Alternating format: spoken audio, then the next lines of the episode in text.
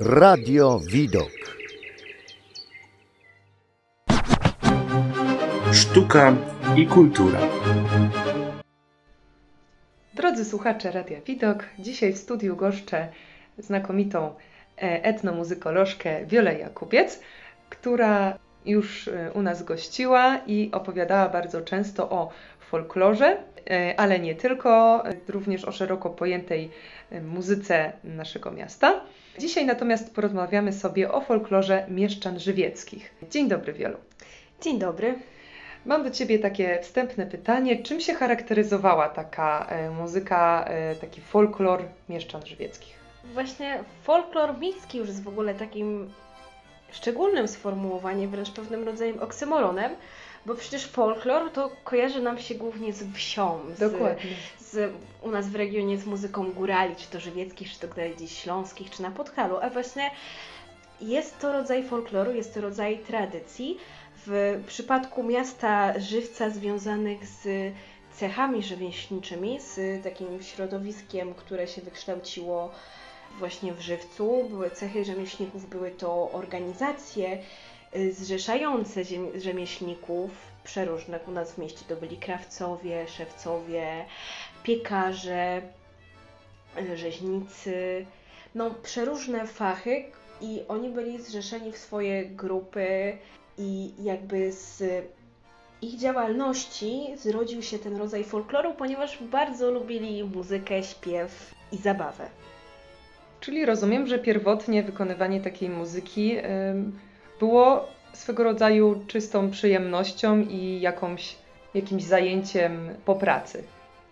Tak, na pewno muzyka była przyjemnością. To niekoniecznie sami rzemieślnicy wykonywali muzykę, bo często po prostu prosili muzyków, którzy się tym zajmowali, bądź jakąś kapelę, ale y, muzyka nie tylko pełniła taką funkcję jak dzisiaj, czysto rozrywkową, ale była częścią zwyczajów i obrzędów, które odgrywały bardzo ważną rolę w kształtowaniu się tańca mieszczańskiego. E, I możemy powiedzieć, że te zwyczaje były bardzo wszechstronne, a przede wszystkim wiązały się z życiem religijnych. Na przykład, jeżeli bractwo cechowe zbierało się na modlitwę przy jakimś obrazie, dużą wagę przywiązywano do przestrzegania zwyczajów, obchodzenia świąt dorocznych, uroczystości rodzinnych i cechowych na przykład w świętach dorocznych mieszczanie żywieccy brali czynny udział. Wyrazem tego były procesje, e, na które chodziło całe społeczeństwo. Nie tylko ta procesja na Boże Ciało, ale też różnego rodzaju pielgrzymki, czy do Rychwałdu, czy gdzieś y, dalej do Częstochowy, gdzie grano, śpiewano, y, noszono feretro, feretrony cechowe. I kolejnym takim y, zwyczajem rodzinnym, który jest ważny, to na przykład chrzciny czy wesela, gdzie ta muzyka i ten folklor towarzyszyły. Towarzyszyły rodzinie, pomagały przeżyć ten czas ludziom, dla których były to ważne momenty, no bo ślub czy, czy narodziny dziecka są to najważniejsze momenty w życiu człowieka. A czy poza uroczystościami takimi czysto rodzinnymi, były jakieś uroczystości związane z obrzędami cechowymi? Tak, tak, bywały takie zwyczaje, zresztą były bardzo ważne i obejmowały różne dziedziny życia. Przede wszystkim dotyczyły życia religijnego. Sztandary cechowe noszono z pietyzmem na procesjach, o czym już wspominałam. Zresztą bardzo uroczyście rzemieślnicy obchodzili Dzień Patrona swego cechu. Często właśnie w takie uroczystości święta kościelne zbierali się w gospodach czy w domach i urządzali zabawę ze śpiewem, muzyką i tańcami. Bardzo powszechny i znany był w żywcu zwyczaj, który wiązał się z obraniem nowego cechmistrza i przeniesieniem do niego insygnii cechowych, takich oznak władzy mm, danego cechu. I wyglądało to tak, że w ustalony dzień wyruszał orszak z domu starego cechmistrza do domu nowego cechmistrza i w orszaku tym szedł stary cechmistrz, jego żona, cechmistrzowa, czeladnicy, czyli uczniowie i e, majstrzy oraz zaproszeni goście, śpiewając po drodze, przynosili właśnie obraz patrona cechu, ławę cechową, tak zwany wilkom, czyli kielich gospodyni cechowej oraz znaki cechowe. No i ten nowy cechmistrz, który przyjmował ten orszak i insygnia cechowe, był zobowiązany do organizowania zabawy, czyli burkotu, ponieważ była to taka wieńcząca ten ważny dzień zabawa z tańcem i pieśnią, gdzie mieszczanie wykonywali tańce, które tu w Żywcu występowały, też później tańce, które tutaj się zaklimatyzowały, tak powiedzmy, które są tańcami narodowymi czy zagranicznymi, ale utarły się w Żywcu. Wspominałaś o tańcach. Jakie tańce były wykonywane? Było ich wiele. Tak wiele, że w sumie mówiąc o nich możemy je podzielić na dwie grupy.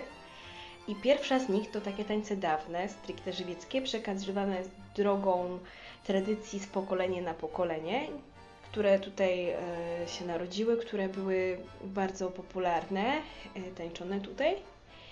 I tańce, które przyswoiło sobie mieszczaństwo żywieckie i które w pewnym mierze przekształciło ich formę, wprowadziło charakterystyczne figury, kroki, obrazy.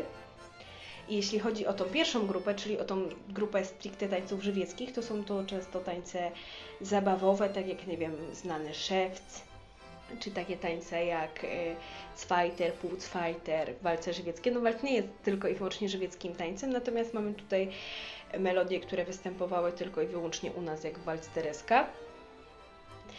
I tańce przyswojone są to Polones i Mazur, nasz bardzo mm. znany żywiecki Polones ale który właśnie wykształcił się gdzieś wcześniej wśród y, polskiego, polskiej szlachty, polskiego mieszczaństwa z tak zwanego tańca chodzonego, takiego prototypu poloneza, bądź też czasami uważanego za inny taniec, jednak przez tą swoją charakterystyczną rytmikę i um, taką główną figurę, którą było chodzenie po kole, potem jakby przejął formę poloneza i zanomowił się tu na dobre u nas w Żywcu i żaden żywczanin nie wyobrażał sobie rozpoczęcia balu bez poloneza. A drugim takim tańcem był Mazur, bardzo popisowy y, taniec. I w późniejszych latach, głównie w XIX wieku, kadrel, który przywędrował do nas z Francji i nabrał w żywcu cech takich naszych żywieckich, ale na przykład nazwy kolejnych figur tego tańca w żywcu podawano po francusku. Z tego, co mówisz i, i tańce, które wymieniłaś, takie jak właśnie Polones czy Mazur, kojarzą mi się z takim dostojeństwem, czyli rozumiem, że e, tego typu tańce były wykonywane w obszarach miejskich, e, zupełnie przeciwnie do obszarów podmiejskich. Tak, te tańce, o których my rozmawiamy, w ogóle ten folklor, o którym my rozmawiamy, był wykonywany w żywcu, nigdzie indziej w Polsce, nigdzie indziej mhm. we wsiach. To jest taki nasz ewenement, że on nie przeniknął gdzie indziej, bo jakby był związany z jednym środowiskiem właśnie tych żywieckich rzemieślników tutaj z Zamkiem Żywieckim, e, z najstarszymi dzielnicami żywieckimi, takimi jak Grudza czy Śródmieście. Ale co ciekawe, na przykład te nasze tańce, które no, są mało znane, bo jeżeli zapytamy, czy nasz folklor w ogóle, jeżeli zapytamy przypadkową osobę w dużym mieście nie, o folklor mieszczan żywieckich, no to to raczej to będą skojarzenia, jeżeli już ktoś coś yy, sobie pomyśli, to pomyśli sobie o tańcach góralskich, tak. ale na przykład zespół Mazowsze ma w swoim programie suite tańców mieszczan w strojach mieszczańskich, to wykonują także w jakiś sposób te nasze tańce i ten nasz folklor urzekają elegancją, dostojnością. To było też związane z ta dostojność i ta elegancja z charakterem mieszczan, także oni byli bardzo dumni z własnego pochodzenia, tacy wszyscy, wszyscy byli lokalnymi patriotami. Tak jak dzisiaj. Tak jak dzisiaj. Ale co dobrze, bo dzięki temu ta tradycja przetrwała i właśnie te kroki były bardzo dostojne, też wykonywane na płasko. Nawet jeżeli były tańce szybsze, takie jak polki, tramla polka, polka trzęsionka, polka żywiecka, to w pewnej mierze one były ograniczone przez tempo i przez strój, jaki nosiła sobie mieszczanka. No bo znam widok tego pięknego, bogato zdobionego stroju mieszczańskiego żywieckiego. A jak wyglądał strój mieszczan żywieckich? Możecie, drodzy słuchacze, zobaczyć w linku, który będzie pod podcastem. Ale może zanim, drodzy słuchacze, zobaczycie to e, zdjęcie, to ja spróbuję jednak pobudzić troszeczkę w Was wyobraźnię i opisać ten strój. No więc ten piękny żwicki strój ludowy jest znany w sumie u nas i też za granicą. Ukształtował się w okresie e, sarmantyzmu, gdzieś tam widać w nim wpływy, zwłaszcza w stroju męskim, tej mody takiej męskiej, wpływy sarmanckie, choćby piękny pas zdobiony. Ale jeśli chodzi o żywczanki i mieszczki, no to one w jakiś sposób oparły się dziwnym modom, na przykład na sztuczne peruki. Przede wszystkim należy tu powiedzieć, że mieszczanki ceniły sobie dobrą jakość materiału i elegancję, stąd też przywiązywały dużą uwagę do tego swojego ubioru, bardzo dbały o dobór odpowiedniego koloru, czy o piękne hafty. Ale nie szczególnie chodziło o wygodę. Nie, niestety nie, nie, szczególnie chodziło o wygodę. Przede wszystkim to, że ubierały dużą ilość halek. W wykrochmalonych taka halka średnio potrafiła mieć około 5 metrów długości, a ubierały tych halek tak chyba z 5. Na tą halkę była ubierana kolorowa spódnica. Na spódnicę zarzucano haftowany fartuch. Oczywiście ubierano białą koszulę, białą bluzkę, na którą zakładano pięknie haftowany gorset to często w przypadku panien. Na to zakładano chustkę koronkową, łoktuszę. Pod szyją żywczanka miała bogato zdobioną, bogato haftowaną kryzę, do której przypinały wstążki, z tyłu zakładały korale. E, I tak najczęściej ubierały się panny. Całości tego stroju dopełniały kwiaty we włosach, kok na głowie, no i pantofle. Natomiast mężatki ubierały złoty, bogato haftowany, bogato wyszywany czepiec na głowę, także to już nie kwiaty we włosach, tylko jednak y, zakryta głowa. Natomiast y, ubierały nie bluzkę, ale pewnego rodzaju jakle, taką bluzkę wciętą w pasie i noszoną na wierzchu spódnicy. To był taki najbardziej zdobiony, bogaty strój świąteczny, ponieważ istniały też troszeczkę bardziej wygodne formy stroju, jak choćby takie stroje dzienne składające się po prostu z spódnicy, z bluzki, no bo przecież jednak e, utrzymanie domu i e, ilość pracy, jaką trzeba było wykonać, no nie dała się e, rady odbyć w takim stroju, ale tego stroju takiego świątecznego też istniała druga wersja, tak zwane pory, czyli strój, który składał się z sudej spódnicy i fartucha równej długości i tego samego materiału w jasnych kolorach, często w jakiś drobny taki wzór kwiatowy. Pod spódnicę oczywiście wkładano halki, a na ramiona zarzucano złożoną w chustkę w krzyż. Na szyję zakładano korale i nie nakładano na ten strój tych haftowanych fartuchów tiulowych, ale zdarzało się tak, że na bal na które przychodziły mieszczanki, przychodziły w tym takim pełnym, odświetnym stroju, a po polonezie szły się przebrać. Jednak wygoda przede wszystkim. No ale dzisiaj też tak mamy, że przychodzi się na jedną zabawę z dwoma sukienkami. Albo z dwoma parami butów. tak, no pantofle musiały być wygodne do tańca, ponieważ te bale trwały często bardzo długo. Właśnie, jak już jesteśmy przy, przy tym balu, jak wyglądały takie tańce? Przede wszystkim każdy bal musiał mieć wodzireja. Często to był najlepszy taniec, który prowadził całą grupę. Mhm. Wołał, mówiąc, jaka będzie następna figura. Też trochę czasem improwizował i układał, gdzieś miał jakąś taką, musiał mieć wyobraźnię przede wszystkim do tańca, żeby go prowadzić. A gdzie się odbywały te bale?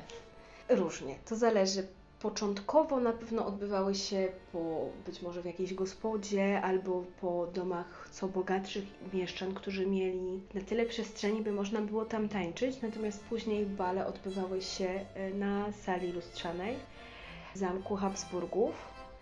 I jeżeli ten bal się. W Nowym Zamku. Tak, w Nowym Zamku. W Nowym Zamku Habsburgów gdzie no, tej przestrzeni było wystarczająco, aby swobodnie zatańczyć, co jest bardzo ważne chociażby przy Mazurze, który jest takim bardzo e, żywiołowym tańcem. Też e, na sali lustrzanej był ten komfort, że kapela zajmowała miejsca na balkonie na balustradzie, który znajdował się nad wyjściem, skąd no, muzycy mieli dobry widok na tańczących yy, i mogli swobodnie grać im do tańca. A jaki był skład takiej kapeli muzyków? Hmm. Taka kapela, czy muzyka, jak ją nazywali żywce, żywczanie, składała się z instrumentów smyczkowych i instrumentów dętych. nie wykorzystywano perkusji. I jeśli chodzi o instrumenty, to były takie instrumenty jak skrzypce, klarnet, trąbka, czasem i flet. Pojawiał się akordeon, czy wcześniej harmonia, no i bas. Też taką charakterystyczną rzeczą, jeśli chodzi o skrzypce, to był taki skrzypek, który grał melodię, ale też pojawiał się tak zwany skrzypek grający sekund, czyli rodzaj akompaniamentu, u którego pojawiały się charakterystyczne rytmy. Na przykład w przypadku poloneza podkreślał ten polonezowy rytm i grał go razem z basistą. Jakby tworzyli w pewien sposób jedną grupę, taką, która akompaniowała i dawała pole manewru do tego, żeby muzycy grający linię melodyczną mogli ją spokojnie wykonywać ale też taki sekundista y, spełniał funkcję harmoniczną, zwłaszcza jeżeli w składzie nie było akordeonu czy harmonii, który też w zależności od sytuacji mógł grać albo melodię, albo y, akompaniować. No i ważne było, żeby grała dobra kapela, ponieważ musiała znać ten repertuar. Często to były wymagające rzeczy, y, wymagające utwory, pierwszy lepszy skrzypek nie był w stanie ich zagrać, zwłaszcza, że poloneza potrafiono grać przez godzinę, Mazura podobnie. Więc taki muzyk musiał być w dobrej kondycji, hmm. gdzie tancerze musieli mieć bardzo dobrą hmm. kondycję. A który taniec Twoim zdaniem był najbardziej wymagający i wymagał największej e, kondycji fizycznej?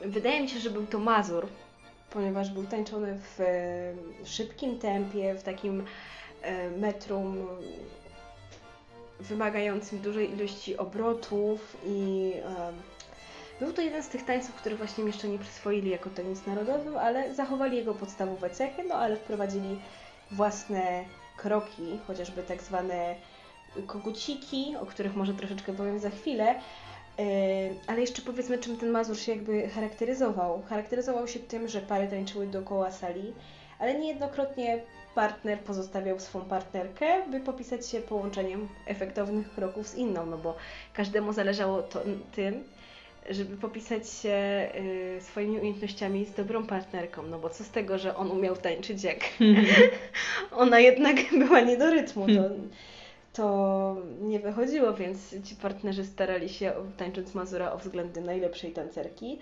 I też ta rola mm, partnerki w tym tańcu była mniej efektowna, bo ograniczał ją nie tylko strój, ale gdzieś tam ona była taką osobą towarzyszącą temu partnerowi, który z zapałem wy, wykonywał różnego rodzaju kroki, podskoki i starał się. Czyli rozumiem, że partnerka była ubrana w ten najbardziej e, obfity i bogaty strój, o którym wcześniej wspomniałyśmy. Wydaje mi się, że Mazura jednak tańczona, jak już się ta impreza troszeczkę rozkręciła, co jak na, jak na weselu, po pierwszym tańcu, a wtedy pierwszym tańcem był polones, mm -hmm. to już jednak wchodzi lekki freestyle, co też w sumie może nie pod tą nazwą, ale jednak funkcjonowało u mieszczan, bo bo zdarzały się elementy improwizacji, które często czasami zapowiadał Wodzirej, a czasami po prostu gdzieś sami y, tancerze wpadali i się popisywali. Y, w sumie spotkałam się z takimi stwierdzeniami, że ponoć po dobrym Mazurze wodalała się z tańczących partnerów, także trzeba było zmieniać koszulę, więc przebiórki nikt nie uniknął. Nawet znamy w sumie dzięki takiej pracy pani Marii Romowicz y, nazwiska tych takich najlepszych tancerzy. Byli to przykładowo y, Karol Kaczyński, Karol Jesiorski, Andrzej Moliński, Zygmunt Zuziak czy Władysław Studencki. Hmm, troszeczkę żywieckich nazwisk jest. Tak, troszeczkę żywieckich nazwisk jest, a takiego Mazura wykonywano czy to na balu, czy to na przykład na weselu u bogatszych mieszczan, ale u bogatszych dlatego, że po prostu potrzeba było dość dużej przestrzeni z racji szybkiego tempa, wirowych elementów, no po prostu niestety, ale do tańca była potrzebna przestrzeń, zwłaszcza tak żywiołowego jak Mazur. A jak to wygląda dzisiaj? Czy pielęgnuje się tą tradycję, czy wykonuje się y, tą muzykę mieszczan żywieckich? Tak, jak najbardziej wykonuje się tą muzykę, nie tylko. W Żywcu przede wszystkim widać często strój żywiecki na różnego rodzaju uroczystościach, czy to kościelnych, czy to miejskich. E, w sumie ze sprawą takiego stowarzyszenia jak Asysta Żywiecka, które jest taką grupą mm, lokalnych patriotów, entuzjastów e, tej tradycji i faktycznie dbają o ten strój, pokazują się w tym stroju rekonstruują w jakiś sposób tą tradycję. Natomiast ten repertuar też jest obecny wśród e, żywieckich zespołów pieśni i tańca. E, Ma go w repertuarze Ziemia Żywiecka, zespół Pilsko, zespoły działające gdzieś tam w obrębie powiatu żywieckiego, z tego co pamiętam, chyba Wierchy kiedyś miały ten program. Ważne, on się pojawia i czasami właśnie pojawia się wśród też zespołów ogólnie w Polsce, takich jak Mazowsze, gdzie jednak tańczą mm, te nasze tańce, które są dostojne. Wydaje mi się, że takim ograniczeniem jednak jest y, strój, ponieważ ten strój damski jest niezwykle drogi, jest to y, ręczna praca, te wszystkie hafty, więc często nawet jeśli jakiś zespół chce wykonywać te tańce, to mm, no, potrzebuje tych odpowiednich strojów.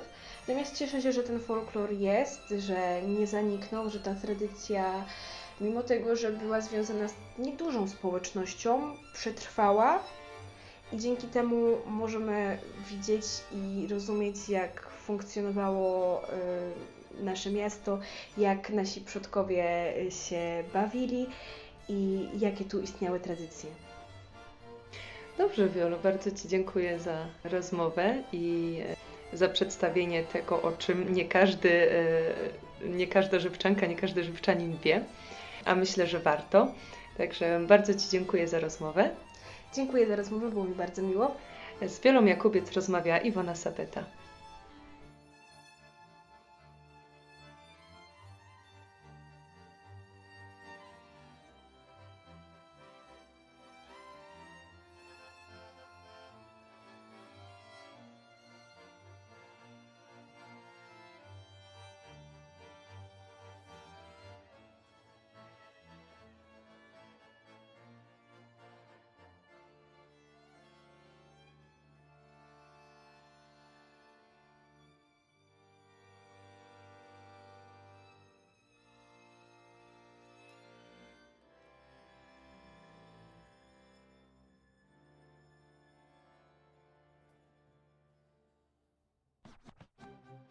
Sztuka i kultura.